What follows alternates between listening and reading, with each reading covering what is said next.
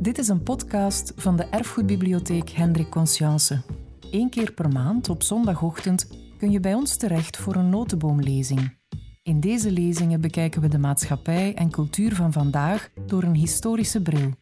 Je kan ze hier herbeluisteren. We wensen je heel veel luisterplezier. Goedemorgen, dames en heren, vrienden. Welkom op onze eerste lezing, onze eerste notenboomlezing in een hele reeks over sociale media, internet, nieuwe technologieën, daarmee verbonden. Eigenlijk is het een beetje een soort een prelude op de tentoonstelling. Er komt deze zomer in dezelfde zaal, de Notteboomzaal, Connect, dubbelpunt, twee media, één verhaal. Waar we zoeken naar een parallel tussen eigenlijk de uitvinding van de boekdrukkunst en heel de veranderingen die daardoor zijn gebeurd, maatschappelijk. En nu, heel recent natuurlijk, de, het internet en dan alles wat er is bijgekomen van sociale interactie. Voordat ik de spreker aankondig, toch even naar, naar de inhoud van, van, van de hele reeks. Uh, VRT heeft een aantal onderzoeken gedaan, statistische onderzoeken, en daar heb ik een paar cijfers uit genoteerd. Vond ik wel interessant. Het gaat over uh, sociale media. Blijkbaar 28 procent van ons kunnen niet meer zonder. Het gaat dan echt over alle leeftijdscategorieën. 22 procent hebben professionele hulp nodig bij het afkicken van sociale media. En 17 procent heeft het voorbije jaar minstens één van de sociale media afgesloten. Misschien een vraagje aan jullie in de zaal. Wie heeft er een fotoapparaat bij? Een echt fotoapparaat. Toch nog iemand. En wie heeft er een smartphone bij? De helft van de zaal, drie vierde van de zaal. In die smartphone zit uiteraard ook een fotoapparaat. En het interessante is, hier is een wifi-aansluiting. Waarschijnlijk hebt u ook een mobiele aansluiting. Maar als u nu een fotootje zou maken, of zelfs beter nog van de spreker, en u zou het verzenden, dan zijn er waarschijnlijk al na de lezing tal van reacties en die kunnen van overal in de wereld komen. Dus dat is toch wel een, een heel vreemde evolutie als, als, ik denk aan de allereerste lezing die, hier, die ik hier heb ingeleid en waar misschien één iemand één fototoestel bij had. Toen me ook even denken aan de première die ik zelf had in de Roma uh, vrijdag met Bart van Loo, die hier ook nog als spreker is geweest. En we zaten backstage te wachten. Dat zijn altijd vervelende momenten, zo die laatste minuten vlak voor de, voor de voorstelling. En meestal ga ik dan nog eens kijken zo naar, het, naar het scenebeeld en naar, naar de scenografie. Maar ik, we keken ook even op, op Facebook, op sociale media. En er kwamen fotootjes binnen van vrienden die al in de zaal zaten en dan aan het post waren. Dus ik moest eigenlijk niet meer gaan kijken in de zaal. Dat kwam zo dus via het internet naar binnen. Dan is mij nog om Benny Lanoiselet uh, aan te kondigen, goede vriend. Hij werkt uh, bij Microsoft. Hij doet daar het beheer van de, de grote banken. Hij zit in de financiële sector ook. En ik heb hem vooral ook gevraagd omdat hij mede-initiatiefnemer is samen met zijn partner, eh, haar, eh, zijn partner uh, Jane uh, Seijnhaven, die hier ook aanwezig is, en hebben ze samen het initiatief iLoco, wat een galerie is, maar veel meer dan een galerie voor fotografie, hedendaagse fotografie. Er gaan ook workshops door, lezingen, cursussen, maar daar zal Benny allicht zelf ook iets over zeggen. Ik geef je graag het woord. Ik dank u. Uiteraard, eigenlijk heb ik alleen maar de aandacht gevestigd op je smartphone om die ook af te zetten natuurlijk, dit uurtje.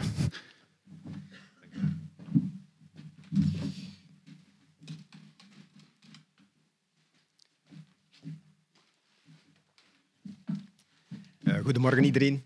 Gaat dat zo met geluid? Is, het goed? Oké.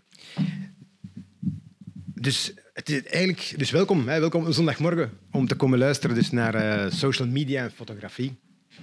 En eigenlijk toen ik hier binnenkwam, ik besefte eigenlijk wat de voorrecht het is om hier in zo'n zaal, zo'n fantastische zaal te kunnen spreken. En zo'n geschiedenis, zo'n rijkdom, zo'n wijsheid eigenlijk allemaal.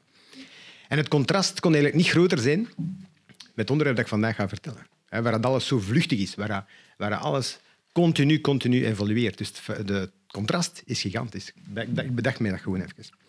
Dus wat gaan we vandaag doen? Ik ga eerst een woordje uitleg geven over de sociale media zelf. Welke zijn de platformen? Welke, en dan specifiek naar fotografie toe. Die gaan we even bekijken. En dan gaan we kijken, en wat betekent dan nu voor fotografie? Wat verandert er nu? Is er iets veranderd? Misschien niet. Is dat een bedreiging van de fotografie? Of is dat juist een opportuniteit voor het gans de mensen, iedereen die ermee bezig is? En dat gaan we bekijken. We gaan dat bekijken, maar niet vanuit het standpunt zoals klassiek gedaan wordt, om te zeggen, oké, we kijken naar Facebook en wat betekent Facebook voor de fotografie. Maar ik heb het even anders aangepakt.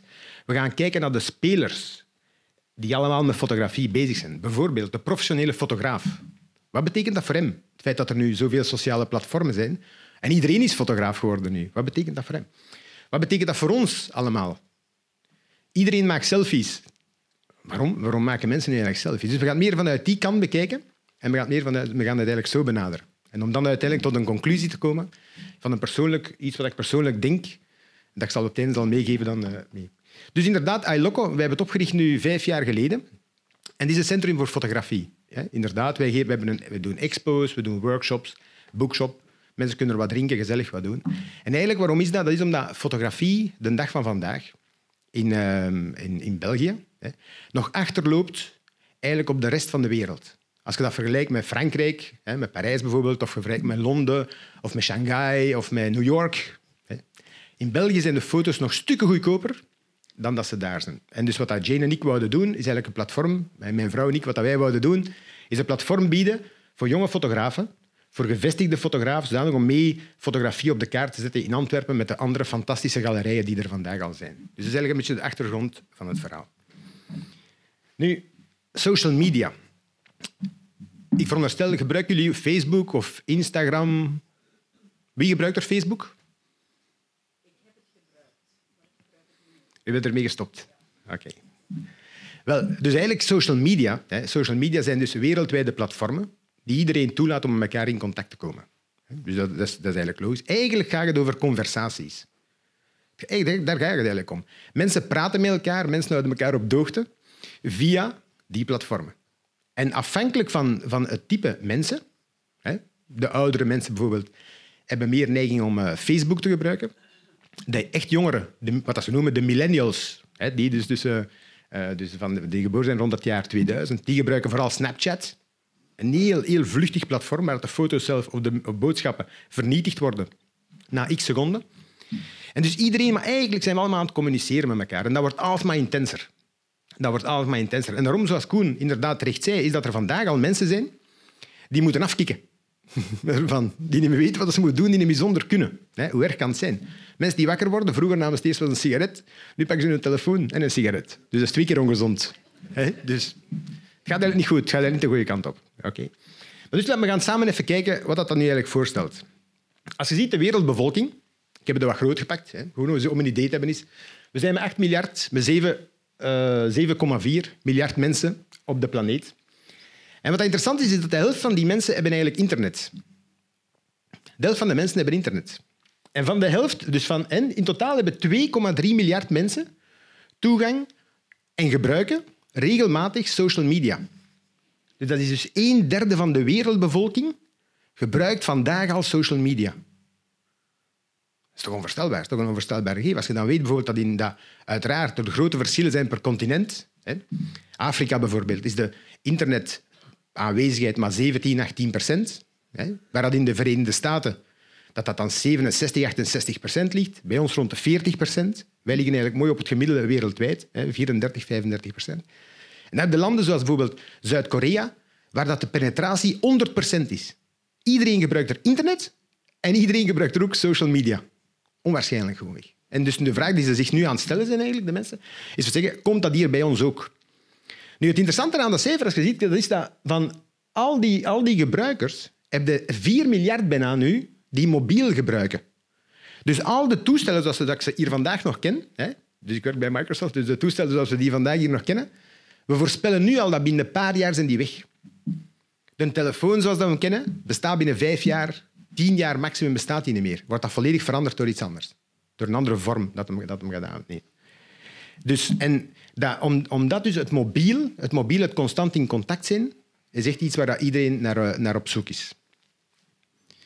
Nu, als je praat over sociale platformen, ik heb ze hier even op een rijtje gezet. Hè? Dat is gigantisch. Hè? Dat is dus echt dat is gigantisch. En ja, dus sommige mensen gaan, gaan en dingen, logo's herkennen.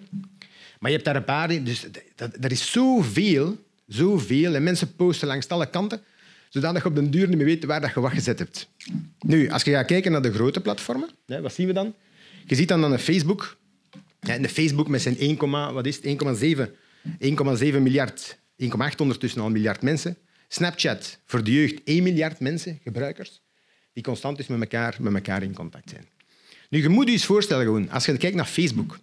Stel dat er op Facebook geen enkele foto zou staan. Alleen maar tekstberichten, een soort sms'en. Dat zou, een totaal, dat totaal ander beeld zijn. Dus die visuele content, het gaat niet alleen over de fotografie, maar de visuele content, video's, video's foto's, tekeningen dat mensen maken, grafieken dat mensen maken, het is juist dat dat de waarde geeft eraan. Dus de twee kunnen eigenlijk niet zonder, zonder elkaar. Heel belangrijk. En daarom dat we ook zien, wat zijn nu de grote trends voor dit jaar, is dat het percentage van mobiel stijgt nog steeds. Vandaag al is bij Facebook 80% van de mensen gebruiken Facebook enkel nog met hun mobiel telefoon. Dat, dat percentage stijgt nog verder. En Facebook vindt dat fantastisch. Die vindt dat fantastisch, want die verdienen allemaal geld op die advertentieinkomsten.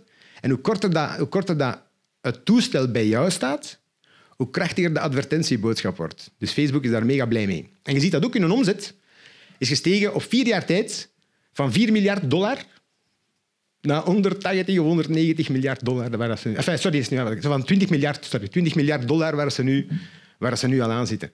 Dus die, die, al dat geld komt gewoon allemaal naar Facebook. En de vraag is natuurlijk, wat wil Facebook? Mark Zuckerberg heeft het duidelijk gezegd. Hij wil de suprematie van het internet. Hij wil in Afrika internet geven. Hij wil overal internet geven, zodat hij al de advertentieinkomsten netjes bij hem komen. En dat hij ons profiel kan maken om dan advertenties heel persoonlijk door te sturen. En dat is ook wat er gebeurt met die foto's van ons die er staan. Die foto's worden allemaal bekeken, allemaal geanalyseerd. En dat is eigenlijk de aanleiding zodat ze, dat ze meer persoonlijke boodschappen naar ons kunnen sturen. Dat is eigenlijk de bedoeling van het verhaal. Dus de twee kunnen niet, kunnen niet zonder elkaar. Nu, het interessante is, als je de lijst bekijkt van al die eerste die er staan, dat zijn allemaal fotografie-sharing sites. En wat merken we nu, is dat eigenlijk de, de trend voor 2017, er moeten altijd trends zijn natuurlijk, hè, dat is dat video is nu de grote hype.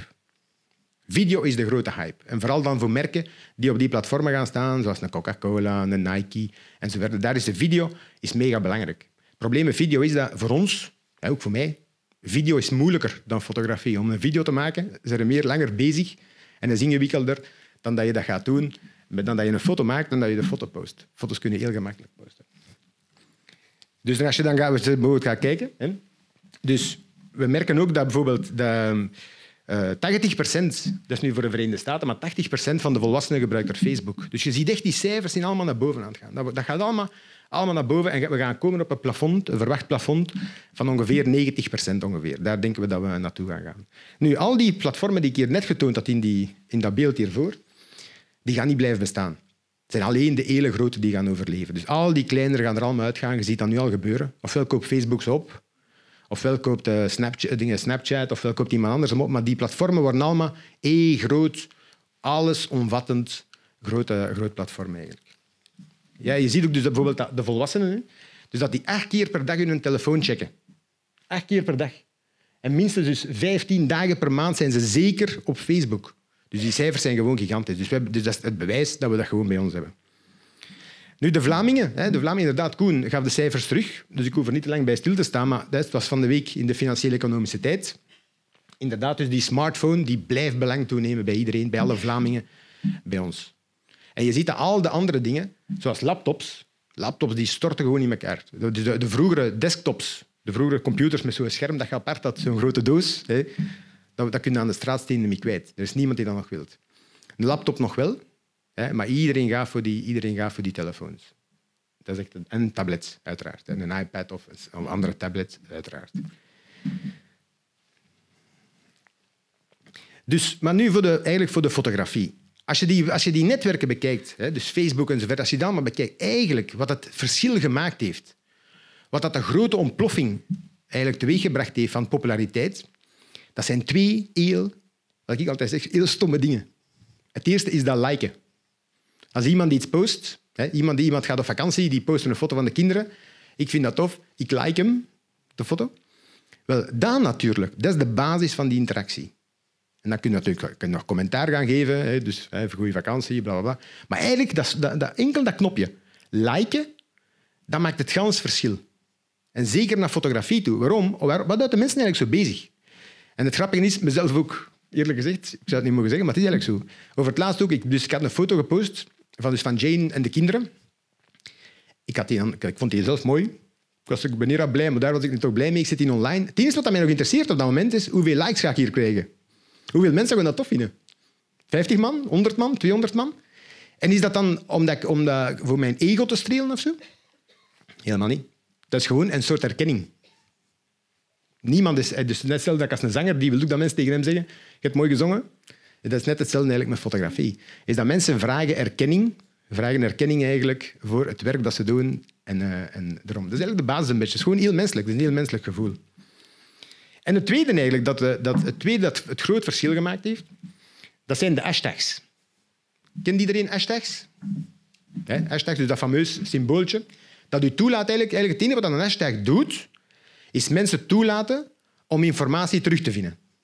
Als je op Facebook komt en je, tikt zoek, hashtag uh, foto van de dag, dan krijg je van iedereen zijn foto van de dag.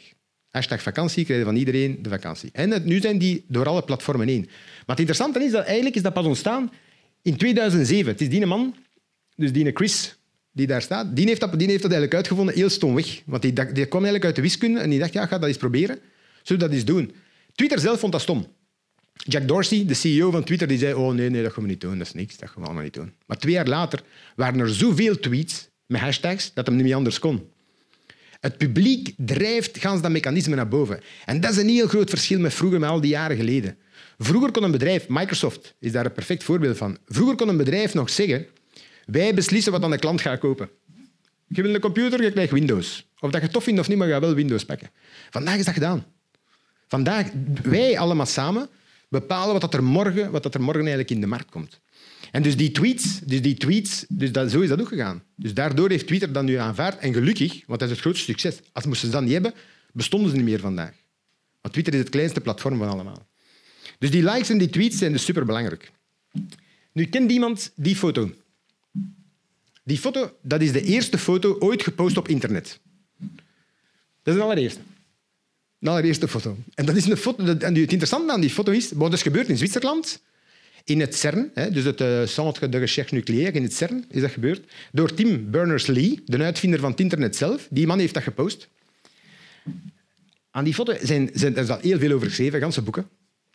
Dus, eh, dus de middenste vrouw, de, de tweede vrouw van links, het is een man die die foto gepost heeft.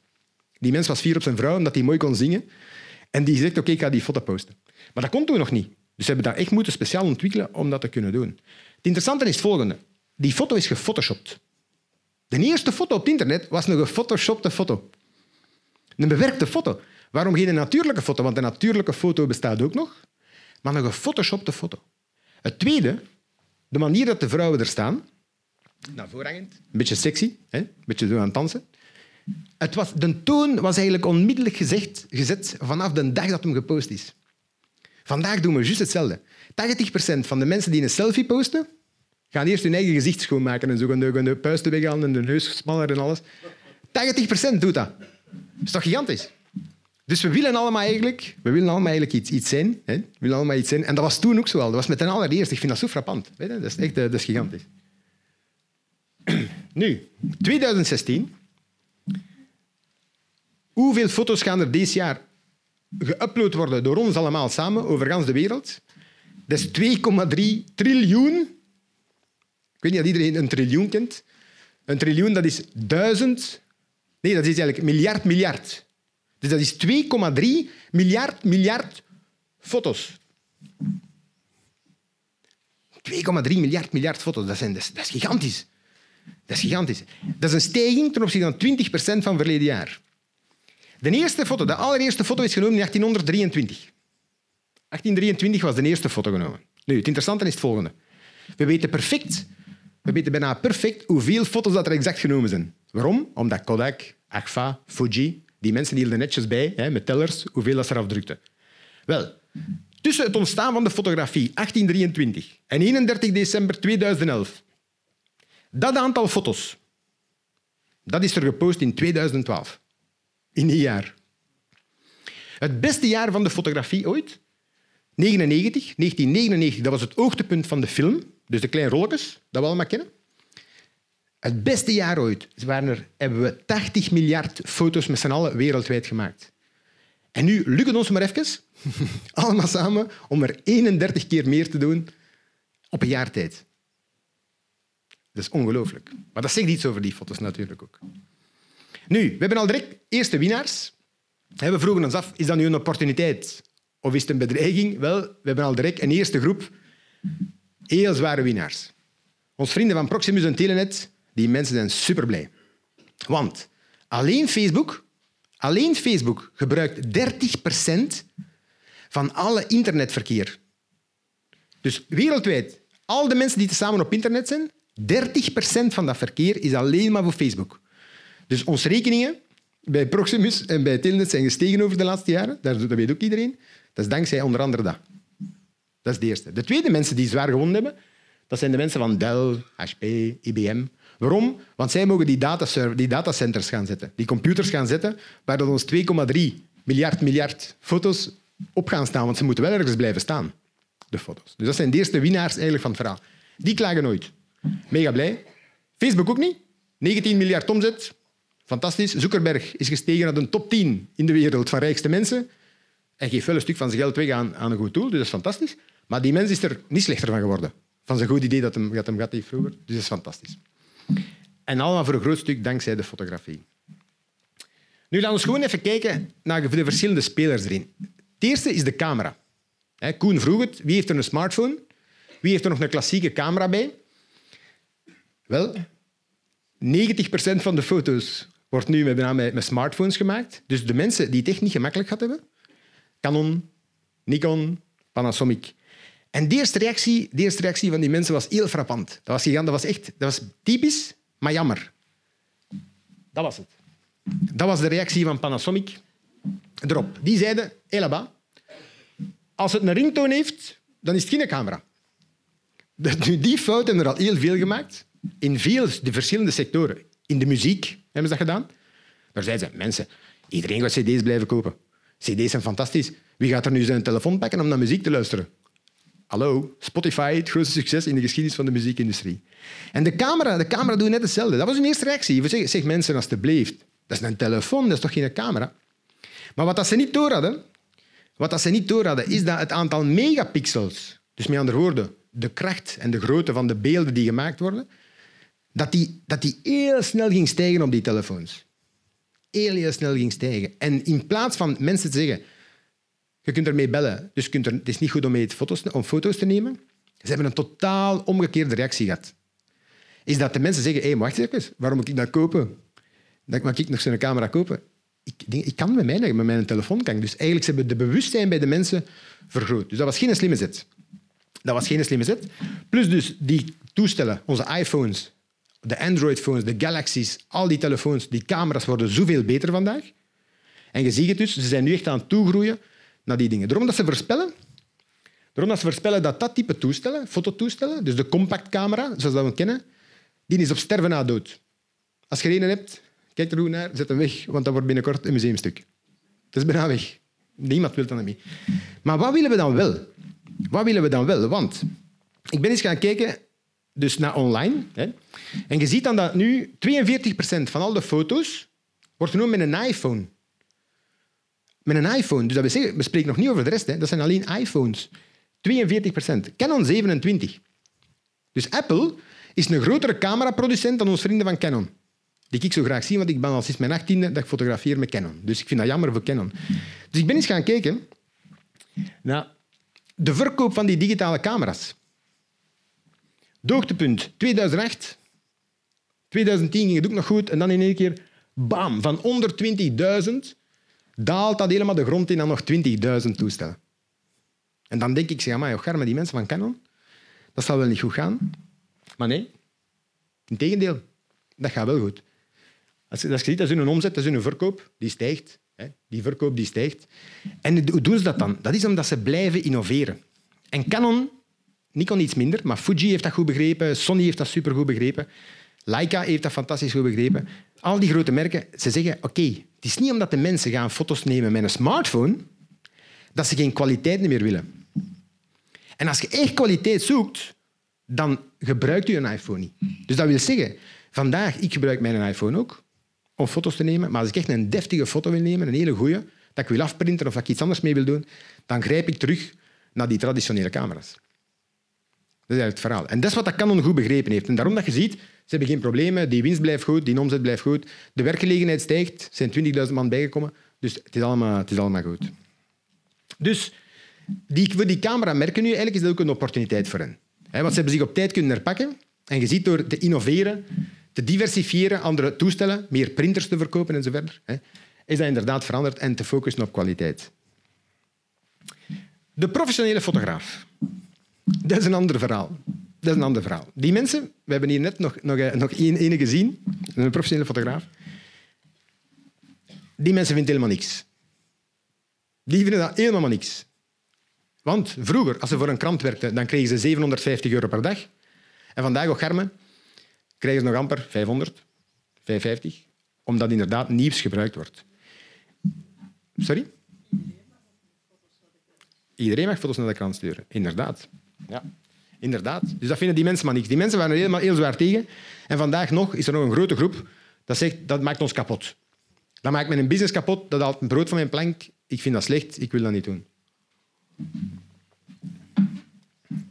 Nu, er worden artikels gepubliceerd op The Guardian en verder. We zeggen, oké, dat is de dood, dat is het einde van de fotografie. Hm? Maar eigenlijk, eigenlijk hè, is, dat gewoon, is dat gewoon een transformatie dat aan de gang is.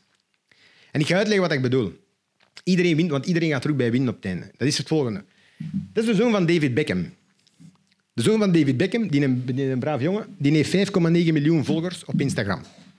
Omdat de zoon is van David Beckham. 5,9 miljoen. En die man die pakt graag foto's.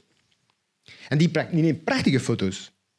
En wat is er nu gebeurd? Is dat Burberry, dat bekend, hè, dat bekend luxe merk, die hebben David gezegd, kunnen, die hebben uh, Brooklyn, Brooklyn Beckham, sorry, gezegd, neem jij die foto's van die campagne voor ons volgende kleding. Waarom? Omdat die grote merken, die willen, die, het enige wat die vragen aan fotografen, dat is, maak mij campagnes, reclamecampagnes, zoals dat de mensen fotograferen. Stop met van die poses te laten aannemen, dat onnatuurlijke. Ga naar het naturel. En natuurlijk, als de Brooklyn de foto's mag nemen van Burberry, dan gaat hem die zelf ook posten en dan krijgt Burberry voor dezelfde prijs er 5,9 miljoen mensen bij die kijken naar de foto's waarvoor ze betaald hebben.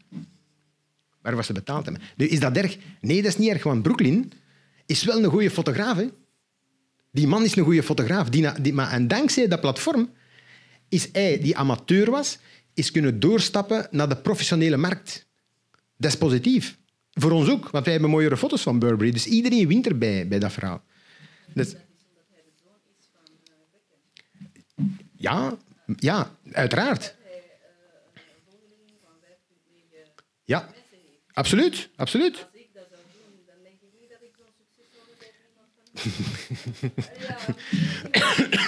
maar dat doe ik, dat doe ik wel. Dus daarom dat ik zeg, daarom dat ik zeg hij heeft 5,9 miljoen volgers. Dus Burberry die willen voor die, voor die 7 of 800 of 5000 euro dat ze betalen, krijgen ze natuurlijk die 5 miljoen mee volgers. Dus dat is superbelangrijk. En het is de zoon van David Beckham. Nog belangrijk, ook even belangrijk. Maar mag wel niet vergeten, hij kan wel prachtige foto's nemen. Hè? Als je die foto's daar ziet boven van dat model, allez, dat, is een, dat is een perfecte foto. Een professioneel fotograaf zou hetzelfde doen. Dus in dat geval is dat inderdaad... Uh, is dat inderdaad... Oké.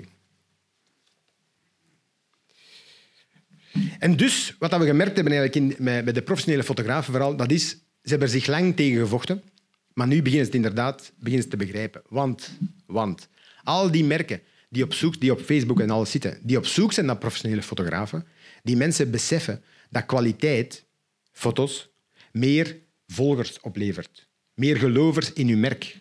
En daarom, en je ziet het dus op dat kleine grafiekje daarnaast, je ziet dus dat, dat vandaag de merken dat die toch terugkomen naar die professionele fotografen, want daardoor, door die goede foto's, krijgen ze meer. De prijs is wat veranderd, maar het aanbod is vergroot. Dus dat is eigenlijk de grote verandering. Dus, dus wat doen een professionele fotograaf? Dat hebben ze ondertussen beseft. Wat doen die ermee ook voor de rest nog? Dat is, professionele fotografen die hebben altijd een boekje bij, waarin dat ze aantekeningen maken. Daar hebben ze een voorbeeld van. Waar ze aantekeningen maken om nieuwe locaties waar ze kunnen fotograferen, nieuwe mensen, ideeën voor shoots. Wel, ze hebben nu beseft dat ze dat boekje eigenlijk de vuilbak in kunnen smijten. En dat ze dat kunnen veranderen door, door Instagram. Dat ze dat kunnen veranderen door Instagram. Dus met andere woorden, ze gebruiken Instagram als een soort notebook. En dat is dubbel zo tof, omdat dat is ook wat wij graag zien. Als je, weet, als je een bekende fotograaf kent en die persoon die, die, die post alleen maar zijn, zijn eindfoto's, dat is leuk. Maar soms willen we ook eens kijken wat er gebeurt achter de schermen. Hoe dat die man denkt of die vrouw denkt. En dat is exact wat we krijgen nu in, eh, in, het, huidige, in het huidige concept. Dus hij gebruikt dat zowel dus om zijn... Eh, dus de, de, de zusjes Williams bijvoorbeeld, die foto heeft hem genomen voor een magazine. Maar hij gebruikt het inderdaad ook gewoon om dingen te proberen en om ons meer informatie te geven. En daardoor, daardoor krijgt hij meer volgers en krijgt hij meer werk dan dat hij ooit gehad heeft.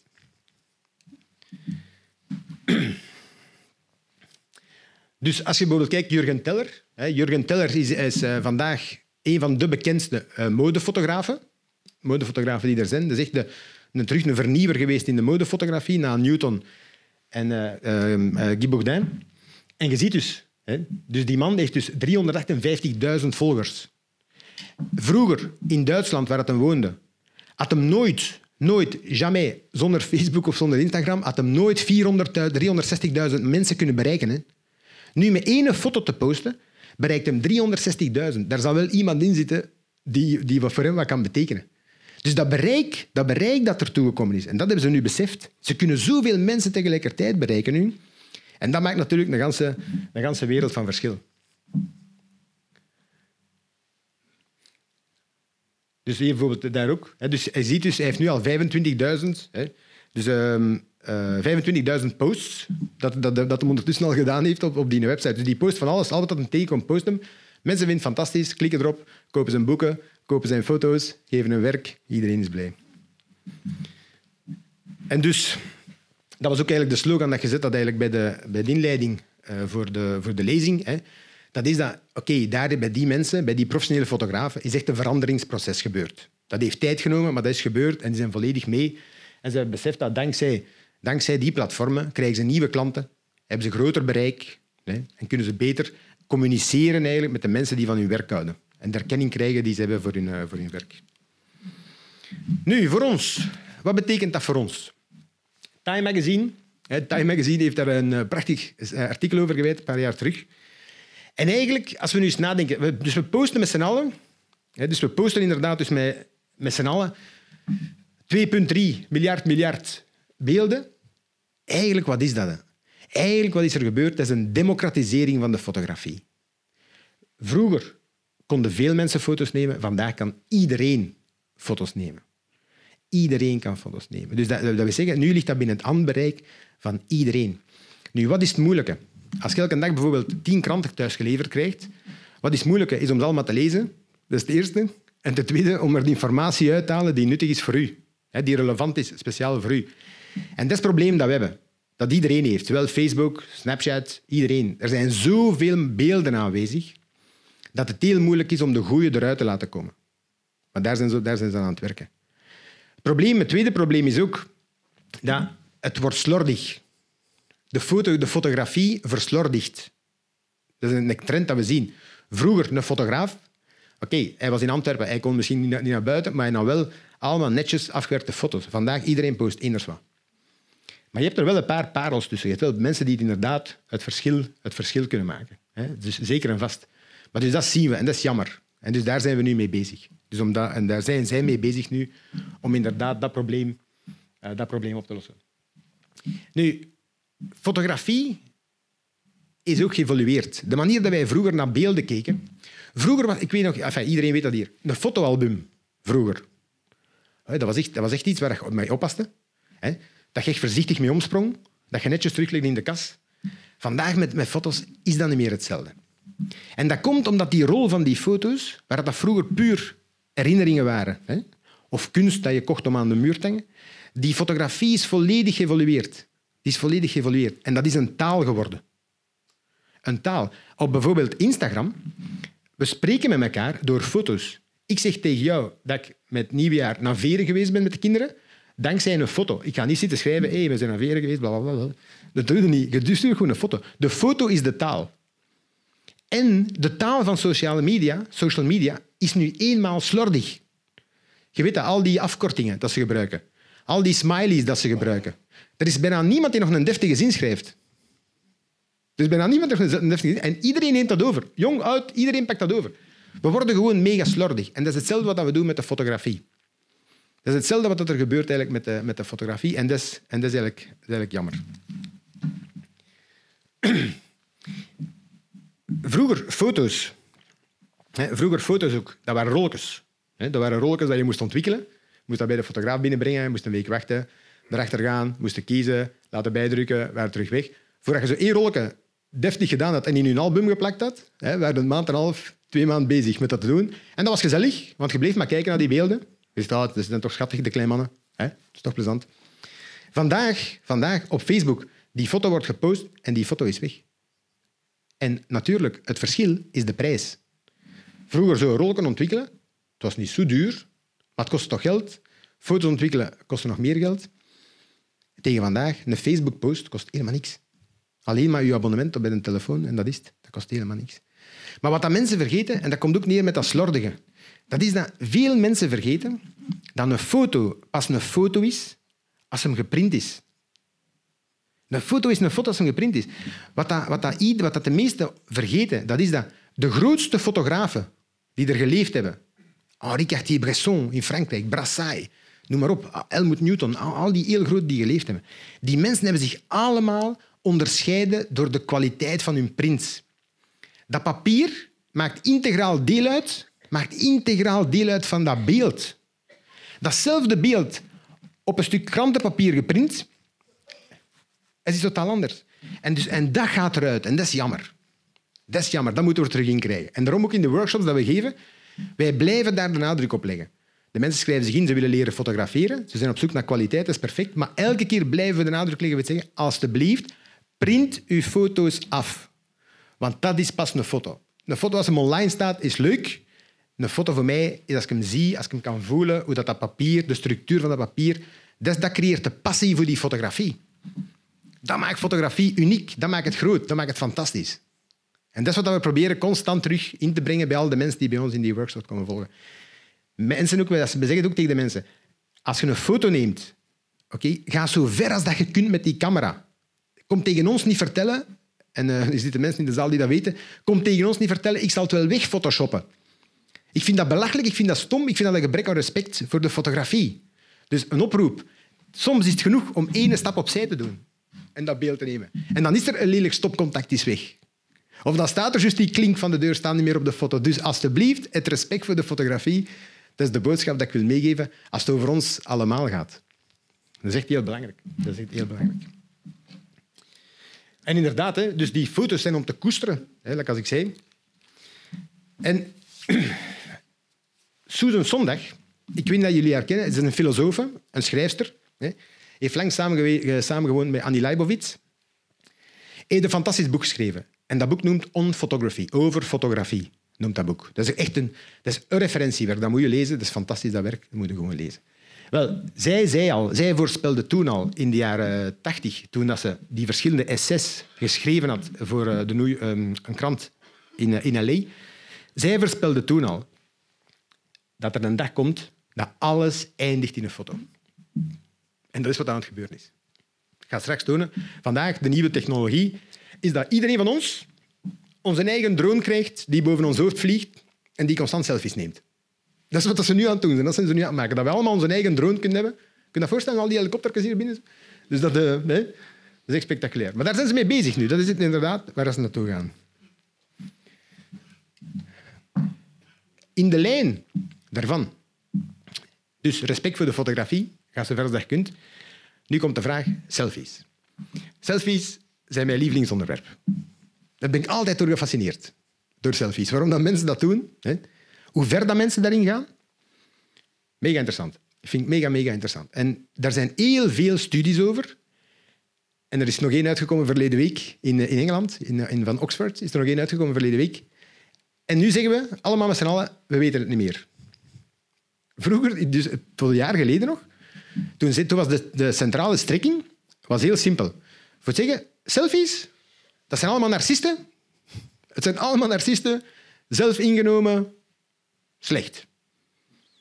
Vandaag, die studie heeft dus aangetoond vandaag inderdaad dat dat niet zo is. Dat dat niet zo is. En eigenlijk, als je nadenkt over dat selfie-verhaal, ik hou, beetje, ik hou altijd een beetje van geschiedenis. Dat is eigenlijk de eerste selfie die genomen is. Robert Cornelius, 1839. Het toestel bestond amper tien jaar, deftig. Het bestond dan, serieus, dat je kon in serie foto's nemen. En dat was de eerste selfie.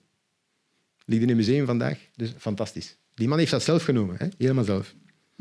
Nu, al de grote fotografen, en ik heb er hier een paar gewoon gezet, en die allemaal belangrijk zijn, elk voor hun, voor hun eigen deel. Hè? Alle fotografen doen dat. Ze hebben het ook altijd gedaan. En als je nu eens nadenkt, stelt, dus we gaan samen een pint drinken. Wat is nu het verschil? Dat ik mijn camera zelf vasthoud om een foto te nemen van mezelf? Of dat ik jou vraag, zeg, neem eens een foto van ons, van, van mezelf. Dat is het verschil. Niks. Behalve dat ik zelfs mijn camera vast heb.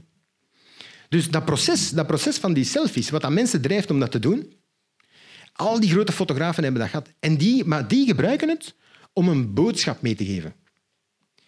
De bovenste is Francesca Woodman, fantastische fotografe, heel jong overleden, jammer genoeg. Die gans haar oeuvre bestaat eigenlijk uit beelden, dat ze, die ze van zichzelf genomen heeft. Gans haar oeuvre is erop gebaseerd. En in alle, in alle posities, ook in alle intimiteit, hè, zowel naakt als gekleed, en, en altijd, maar altijd met een boodschap, dat leven eigenlijk vluchtig is. We hebben niet, niemand heeft het beseft op dat moment, maar eigenlijk was toen al een signaal dat ze vroeg ze was heeft zelfmoord gepleegd, dus dat ze vroeg uh, ging, ging, ons verlaten. Alles moest altijd vluchtig zijn, niks. Ze had geen enkel houvast in de wereld. Haar beelden toonden dat perfect. Vivian Mayer, Vivian dat zijn die fameuze, uh, al die negatieven die we teruggevonden hebben. En, uh, een paar jaar terug nu, in Amerika daar, Vivian Mayer die nam ook self, selfies. Kijk naar die selfies, dat is geen vrolijke vrouw, weet en als ik dat zo zie, ik heb niet zo direct zin om te zeggen, ah ja, maar dat, dat is gezellig. En als je naar, als je naar haar levensverhaal kijkt en de, de, wat dat de mensen naartoe wijzen ook, dat is, ze was een baby, ze was een babysitter. En ze was echt, echt, echt. Het was echt niet oké altijd met die kinderen waar ze, waar ze op letten. Weet je? Dat was echt een raar mens. Haar foto's zijn magnifiek, maar haar zelfportretten geven haar ware identiteit weer. Eigenlijk. Dat ze, en, ze, en ze wou dat ook, want ze heeft dat, ze heeft dat bewust gedaan. Helmut Newton. Helmut, dus een van de bekendste zelfportretten ooit genomen. Dus hij staat daar dus met zijn regenjas aan een foto te nemen van een naaktmodel. Het unieke aan die foto is, hij geeft ons daar een super boodschap mee. In de hoek, rechts, zit zijn vrouw, June, June Newton. En wat deed hem? Hij heeft dat pas laat in zijn, op het einde van zijn leven toegegeven. Elke keer als we een foto nam, als hij klaar stond om een foto te nemen, dan keek hem en dan keek hem naar June. hij keek naar zijn model, maar hij keek vooral naar June. En als zij instemmend keek, dan wist hij zeker dat het een fantastische foto was. Dat zelfportret dat vertelt een gans stuk over die mens, zijn gans professioneel leven, wat dat die gedaan heeft. Dat is gewoon, dat is, uh, dat is gewoon fantastisch. Saliman. Saliman ook, dat beeld is een heel luguber beeld. Dat is een beetje een luguber beeld. Maar dat is ook de fotografie dat ze doet. Dat, dat, dat ligt ook in lijn met de projecten waarmee ze, dat ze bezig is. Araki. Araki, een van de grootste Japanse fotografen die er is, die neemt van foto's van pure kunst tot keiharde porno. Alles, alles, alles ertussen ook. Maar dat beeld, dat beeld, dat toont ook, dat toont ook hoe dat hem, dat hem denkt over dat verhaal. Het is voor hem gewoon een spel. Het is een spel en het is gewoon voor hem een activiteit die beelden genereert. Hij, vertelt dat ook prachtig in een boek. Legt hem dat ook uit waarom dat hem zo drijft, dat de filosofie er is. Het naakte, dat hem altijd fotografeert, is eigenlijk bijna weg uit het verhaal. Het is gewoon allemaal één groot... Hij wil alle Japanners fotograferen. Zijn droom is om elke Japanner in, in, eh, op straat een foto van zijn gezicht te nemen op dezelfde manier dat is een grote droom. Dat vertelt het ook. Trouwens, dat is de eerste selfie die ooit gepost is op Instagram. En dat was in 2013. In 2013 is dat gepost door die mevrouw. Hè. Um, hoe heet ze nu weer? Ja, Jean Lee. Zij heeft dat, Jenna Lee, zij heeft, dat, zij heeft die gepost en zij heeft dat woord ook erin gestopt. En het was onmiddellijk in 2013 het woord van het jaar door Oxford Dictionary. Onmiddellijk verkozen. En daarna is dat woord onder 28.000 keer meer gebruikt dan al die jaren, dan al die jaren voordien. Ja. Nu, in de selfies, in de selfies heb je eigenlijk drie stromingen. Je hebt eigenlijk drie stromingen. Dat gaan we gewoon heel kort gaan we die bekijken. Dus het woord selfie, ja, sorry, het woord selfie op Instagram, je ziet dat dus 287 miljoen keer gepost dit jaar. Als je dan het woord me nog bijpakt, mensen die een hashtag ik gebruiken, dat is ook een selfie natuurlijk, dan krijg je er nog 310 miljoen bij.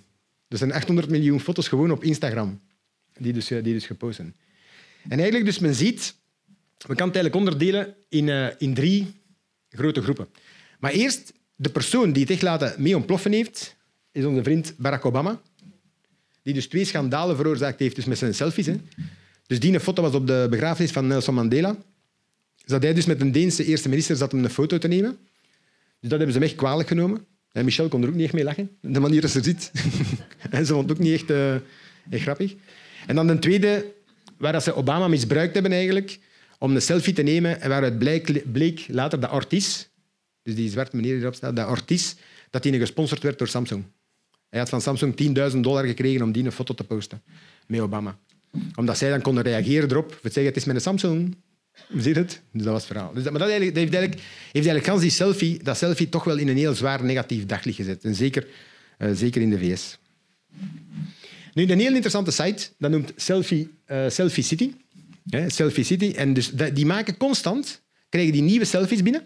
Die gaan ze zelf zoeken trouwens. En doen ze daar analyses over. Gaan de mensen meer met hun hoofd naar daar? Gaan ze meer naar daar? Zijn meer mannen? Zijn meer vrouwen?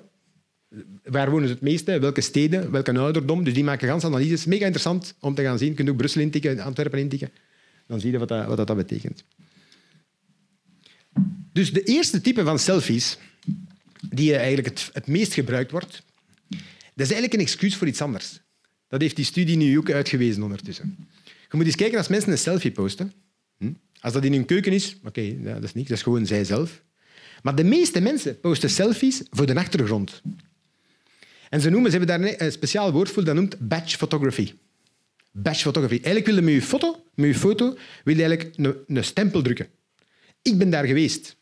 Die mens daar met zijn AI, die toont ondertussen wel... Oké, hij pakt een foto van, zijn, van zichzelf, maar hij toont ondertussen wel aan al zijn vrienden dat er een AI was op de achtergrond. Want een ferme kerel, denk ik. Ik overdrijf niet, vast een sympathieke mens, maar ik wil gewoon even de boodschap brengen. Dus die, die mevrouw hier in Rome en zo verder. Dus mensen willen eigenlijk tonen door de selfies waar dat ze zijn en wat dat ze allemaal meemaken en wat een fantastisch leven dat we toch met z'n allen hebben. Tegelijkertijd. Dus dat is eigenlijk, dat is eigenlijk de, eerste, de eerste groep. De tweede groep, de tweede groep is de die. Dat is altijd een spannende groep. Want die mensen zijn echt bezig met hun lichaam. Die mensen zijn echt bezig. En in het begin, dat was echt de groep waar het meest kritiek op is. Die groep. Dat zijn, dat zijn mensen die... Uh, fitness, fitnessfanaten, hè, dus mensen in, in make-up, in fashion en zo verder. En daar zegt iedereen van, ja, dat zijn de, dat zijn narcisten. Dat zijn de narcisten. Nu, ze hebben daar toch eens een onderzoek naar gedaan, naar die mensen, die gecontacteerd, om daar eens wat vragen aan te stellen. En wat blijkt nu, en dat is mega interessant, wat blijkt nu, is dat die mensen, doordat ze selfies blijven posten, blijven ze zichzelf pushen, elke dag, om fit te blijven, om in vorm te blijven, hè, om trots te zijn op hun lichaam. Dus het selfie is eigenlijk een soort zelfmotivatie, zelfmotivatie dat je gaat doen, om eigenlijk dat niveau blijven vasthouden. Maar het is wel zo, er zit ook iets heel narcistisch in. Ze hebben dus echt een psychologisch onderzoek gedaan. Die mensen hebben inderdaad heel sterke narcistische trekken, heel trots, blij met zichzelf. Dus dat is inderdaad zo. De derde groep, de derde groep is de groep, en dat is de laatste groep, dat is de groep die het meest aandacht trekt van iedereen. Omdat ze zowel iets positiefs heeft als iets negatiefs heeft. Ik ga een voorbeeld geven. Die een beste man hier, hè, die man, die heeft gedurende drie jaar, drie jaar, heeft hij een stiekem dat koppel gevolgd. Die, die mensen dus gedurende drie jaar, zonder dat ze dat wisten, je ziet dus de foto's erbij, op een trui stond hem ook met kostuum. Dus hij stond er gewoon bij. Dus die heeft dat gewoon gedaan. Oké, okay, ofwel vind dat cool, ofwel vind dat, vind dat leuk. Maar het heeft toch iets ziekelijks, denk ik. denk ik dan. En, ik, dus, en mensen vragen zich af, oké, je kunt het ene keer doen. Ik heb vroeger zo'n flauwe plezante gehad die altijd bij de pauze in de buurt wou komen staan, die dat zo'n jaar gedaan heeft, volgehouden heeft. Oké, dat is nog spannend, want bij die mensen geraakte niet in de buurt. Maar dat koppel, die weten van niks. Hè. Dat zijn gewoon mensen. Daar zijn gewoon hun privacy aan het schenden van die mensen. Die wisten ook niet dat die foto's gepost werden van hen. Daar zijn gewoon hun privacy aan schenden. En dat is natuurlijk, dan, dan krijgen we natuurlijk een totaal, ander, een totaal ander verhaal waar het over gaat, eigenlijk. Dan krijg je, dan krijg je, je een, een, een, volgende groep nu. En dat is een fantastisch artikel uh, dat ik gevonden heb. En dat is, er is een vrouw die, die, gaat trouwen, die trouwt. En zij beslist om haar eigen, om haar eigen uh, trouwfotograaf te zijn. Zegt, ik ga geen fotograaf nemen, ik ga het zelf doen. Het zijn toch altijd maar dezelfde beelden. zal het zelf eens doen. Dus die heeft dus constant met een camera van zichzelf foto's genomen. Maar natuurlijk, maar wel met een groter doel. Zodat zij naar een man, zij naar een man binnen een paar jaar, als ze kinderen hebben, toch naar die foto's kunnen kijken. En, dan krijg, en dan, als je dan goed kijkt, dan krijg je onmiddellijk een totaal ander type fotografie. Als je bijvoorbeeld, als je bijvoorbeeld dat beeld hier bekijkt, het, het hoofdbeeld eigenlijk van, van het artikel, dat is echt kunst. Dat, dat heeft niks meer te maken met de klassieke selfie van ik hem zo. Dat beeld in scène zetten, dat is, dat is echt kunst. En daarom dat, dat zij inderdaad, ondertussen heeft ze inderdaad al expos gekregen en zo verder. Hè. Maar dus voor haar is, dan een manier, is die selfie een manier geworden tot zelfexpressie. En tot creativiteit en om, om inderdaad kunst, kunst te gaan maken. En nog een paar beelden.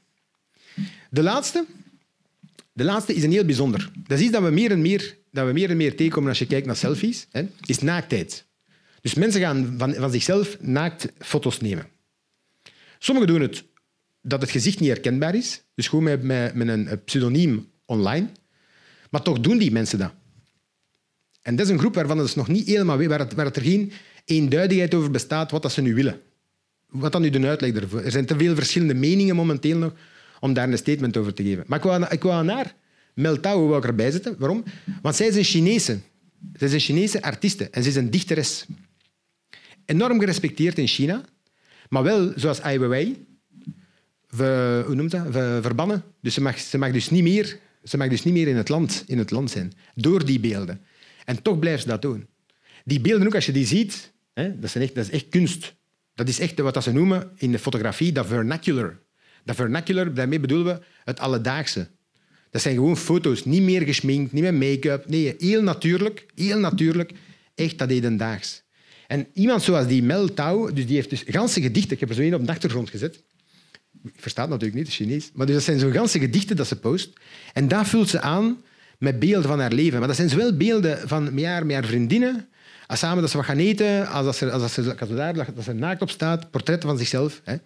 Dus dat is inderdaad wat dat die drijft. Maar dat is echt een kunstvorm op zich. En dat is wat we merken ook, dat mensen veel verder gaan, dat ze veel meer online proberen te gaan zoals een Francesca Woodman. In het begin, weet je nog, dus die vrouw die eh, dat vluchtige. Dus daar gaan we naartoe. Dat is echt heel, heel belangrijk. En dus met die selfies, dat is nu waar, we het wel, waar iedereen het wel over eens is. Eigenlijk is dat gewoon een zelfexpressie dat je doet. En het heeft niks negatiefs. En de studies gaan zelf eerder naar het positieve naartoe. Je kunt het mooi vinden of je kunt het lelijk vinden. Ik hou bijvoorbeeld niet van foto's van dieren. Daarom hebben die dieren niks fout gedaan. Snap je? Dus, maar, dus, maar dat is eigenlijk het idee erachter. Dus iedereen is erover eens, het is een vorm van zelfexpressie. Het feit dat je doet, duwt je eigen creativiteit naar voren. Je krijgt inspiratie voor andere dingen. Dus in C, men gaat nu meer en meer denken dat selfies inderdaad positief zijn. Om af te sluiten, het kunst, de kunst zelf. De kunst zelf, de fotografie als kunstvorm. Nu, de fotografie vandaag, als ik zei in het begin, is 6%, is 6 van de totale kunstmarkt in de wereld. Dus op elke 100 euro uitgegeven door mensen voor een schilderij of een beeld of, wat, standbeeld, whatever, gaat er 6 euro naar fotografie. Dat percentage gaat stijgen. Dat moet stijgen sowieso, omdat die kunstvorm te belangrijk is. Maar het is niet logisch. Dus al die oude dogma's die rond de fotografie hangen, zijn aan het verdwijnen eigenlijk. En wat zien we? Musea. Musea zeiden altijd, en jullie weten dat ook, dat je mag nooit fotograferen in een museum. Als je binnenkomt, zeggen ze altijd dat, dat teken. No, no, uh, no, no photography, dus je mag geen foto's nemen. Wel, dankzij social media is dat veranderd. En vanaf nu, want ze hebben gezien dat door experimenten te doen op bepaalde zondagen, moet er echt bedenken, ze hebben dus gezegd tegen jonge mensen, millennials, hebben ze gezegd, zondags, die dag, dan mogen de foto's maken van de collectie en dan mogen hem posten. Ze hebben dat gedaan. En wat zagen ze? Is dat je 26% meer bezoekers krijgt. 26% meer bezoekers kwamen naar, kwamen naar die musea door die posts. En daarom dat je nu meer en meer musea hebt die zeggen foto's, neem maar, doe maar gerust. Pak maar, post dat maar. Waarom? Omdat... Sorry? Het is reclame, hè? uiteraard is reclame. En vroeger waren ze bang, typisch voor bijvoorbeeld fotografie, waren ze bang dat mensen die foto zelf thuis gingen afprinten. En als jij in de galerij komt bij ons, je neemt een foto van de foto, mensen dachten, hij gaat hem thuis afprinten. Dat doen mensen niet. Dat doen mensen niet, zie je het? En dus daarom, Daarom dat, dus dat is nu een evolutie, een heel positieve evolutie, want inderdaad, dat brengt die markt bij veel meer mensen hè, die daar veel meer bekendheid krijgen. Kunst is ook volledig veranderd door social media. Door, door, door gewoon de inspiratie dat erin zit. En ze noemen dat, ze noemen dat het, het post-internet-tijdperk. Je hebt het postmodernisme gehad, je hebt al die, al die grote strekkingen gehad in de kunstvorm. Ze noemen dat nu het post-internet als kunstvorm, omdat er veel werken nu ook gemaakt worden als creaties uit beelden die online gevonden worden. Daarmee gaan ze dingen experimenteren en gaan ze nieuwe kunstvormen gaan maken. Dat leidt nog tot conflicten momenteel, want een originele maker van zijn beeld is daar meestal niet blij mee. Nog niet. Maar dat is, iets, een transitiefase. Zoals de professionele fotografen is het een transitiefase. Dus daar gaan we echt, eh, daar gaan we echt naartoe. En dan, je hebt dus het, een van de bekendste platformen voor fotografie dus Tumblr, hè, waar je zo allemaal beelden onder elkaar krijgt. Wel, nu hebben ze beslist om een expo te doen alleen maar met beelden die van die social media website komen. Daaruit, daaruit gaan ze fotografen selecteren op basis van bepaalde criteria en daar gaan ze een expo mee doen. En dus, dat is, dus, dus, dus dankzij, dus, duidelijker kan het natuurlijk niet, het is dankzij die social media, want zonder zou die expo er nooit geweest zijn. Dus hetgeen dat een heel positieve evolutie is voor de fotografie. Nu, de toekomst. Ik heb het al gezegd, er zijn een paar dingen, maar ik ga er niet bij stilstaan. Het eerste is 360-camera's. Dat krijg je nu heel veel te zien. Camera's die verkocht worden, die tegelijkertijd een foto nemen van helemaal 360 graden er rond. De drones heb ik het ook al over gehad. Iedereen onze eigen drone die boven ons hoofd vliegt om foto's te nemen constant. Maar het derde, het derde, daar wil ik even bij stilstaan. Het derde is, ze gebruiken nu meer en meer artificiële intelligentie. Wat ze ook noemen machine learning. Dus robots en zo verder. En ze hebben nu een site online gezet. En die site, daar zit geen mens achter. Daar zit zo een artificiële intelligentie achter. En wat gaat die nu doen? Die gaat advies geven over je foto's. Dus je stuurt je foto's binnen. Gewoon uploaden. Hè, send me je foto. Gewoon uploaden. En dan zegt hem, ja, het is goed, maar je kunt beter dat en dat en dat doen. En volgende keer kunnen misschien meer dat en dat en dat doen. En zet je, je object niet middel, maar zet dat wat meer opzij, volgens de fameuze regel van derde. Dus dat systeem, dat systeem gaat zelf gaan beoordelen wat dan een goede foto en een slechte foto is. Dat is mega interessant. Want dus, en dan komen we bij als afsluiter, dus eigenlijk als conclusie, als conclusie van het verhaal. Is, is dat nu allemaal positief of is dat een bedreiging? Wel, in mijn persoonlijke opinie, in mijn persoonlijke opinie is het een opportuniteit voor alles. Voor iedereen en voor alles. Het is gewoon een transitie waarin dat we doorgaan. En die we aan het meemaken zijn. Een evolutie binnen de kunst en binnen de fotografie die we aan het meemaken zijn. Er zijn twee punten die mij bezighouden. Er zijn twee punten die ons bezighouden als we erover nadenken. Dat is privacy. Privacy. Privacy, we zitten nu in een tussenfase waarin dat ons leven verkocht wordt, verkocht wordt aan adverteerders. We weten het, niemand doet niks en het gaat alles maar verder. En dat is iets waar ik, ik persoonlijk vind dat we te weinig als gemeenschap aan doen. Dus dat is het eerste. Het, nu, je hebt een hele bekende uh, strateeg, die noemt Peter Hinzen. En Peter Hinzen had toen al voorspeld, nu acht jaar geleden, in zijn boek Het Nieuwe, digitaal, het, uh, het nieuwe Normaal. Het Nieuwe Normaal, dat is echt een, boek, een aanrader van een boek. Daarin voorspelde hij al dat de jeugd totaal andere waarden hebben dan, dan wij, dan de meeste mensen van onze leeftijd in het publiek. Wij vinden privacy nog belangrijk. De jeugd van vandaag, mijn zoons bijvoorbeeld, van 16 en 20, zijn daar niet mee bezig. Wat dat hen bezighoudt, is transparantie. Ze willen weten wat er met hun data gebeurt. Ze willen beslissen waar dat naartoe gaat en ze willen een overzicht hebben wat erop staat. Maar ze zitten er niet mee in dat er een foto van hen online staat waar ze, wanneer ze ladder zat door de straat aan het wandelen zijn. Wij nog wel. Wij zijn er nog mee bezig dat misschien iemand een foto gaat posten zonder dat we het weten van ons. De jeugd van vandaag is daar niet mee bezig. Ze willen gewoon een overzicht krijgen van duidelijk, transparant wat er met hun gegevens gedaan wordt. En het allerlaatste punt. Je zegt dus die, uh, die online site die de foto's gaat coachen. Als je de geschiedenis van de fotografie bekijkt vanaf 1823, okay, die eerste grote fotografen, Daguerre, Niepce, hè, al die hele grote fotografen. Wat zeiden die tegen de schilders? Hè, tegen de schilders en de beeldhouwers in een tijd, wat zeiden die? Want die vonden helemaal niks, die schilders. Die zeiden, ja, maar hey man, dat is wel simpel. Weet? Ik ben hier een week bezig met schilderij te maken en jij ene klik en je hebt direct een, een, een foto eruit.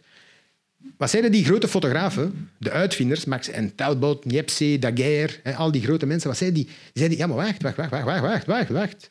Wij zijn techniekers. Wij zijn ambachtslui. Dat is technisch zo'n machine. Je moet dat kunnen. Die stelling dat ze daar genomen hebben in 1850, 60, 70, heeft gans de 20e eeuw en de 21e eeuw van de fotografie bepaald. Omdat ze nooit, daarna zei iedereen, is blijven herhalen, je bent gewoon een technieker. Je bent gewoon iemand die een machine, die een machine kan beheren. Het is dankzij Cindy Sherman en Martin Parr in 1986 dat de fotografie rezen is tot kunstvorm. Die mensen hebben aangetoond dat de multipliciteit van de fotografie, met andere woorden, dat een fotograaf 10.000 keer dezelfde foto kan drukken als hij wilt, dat dat niet meer gaat gebeuren. Zij tweeën hebben ook ervoor gezorgd, samen met de steun van anderen natuurlijk, maar zij hebben er vooral als, als leiders voor gezorgd dat fotografie au serieus genomen wordt.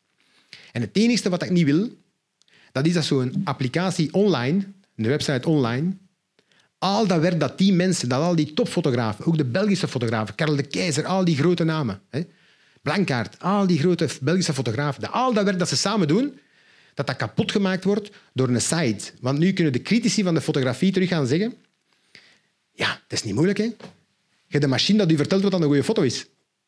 Je zegt het zelf niet. En dat wil ik niet. Dus daarom zo'n site... Alhoewel, ik ben, ik ben techneut, hè, bij Microsoft eigenlijk van dingen. Maar ik, ik, ik vertik het om dat te gebruiken. Ik vertik het om dat te gebruiken. Ik wil dat gewoon niet doen, want ik wil die fotografie... We hebben ze nu puur gekregen met z'n allen. Ze is passioneel, ze is puur. Er zit een markt in. Mensen appreciëren het. Mensen komen naar de galerijen ook. Dus het gaat allemaal goed. En ik wil het niet kapot maken door artificiële intelligentie die er eigenlijk helemaal niks mee te maken heeft. Hartelijk dank voor jullie aandacht. Als er nog vragen zijn.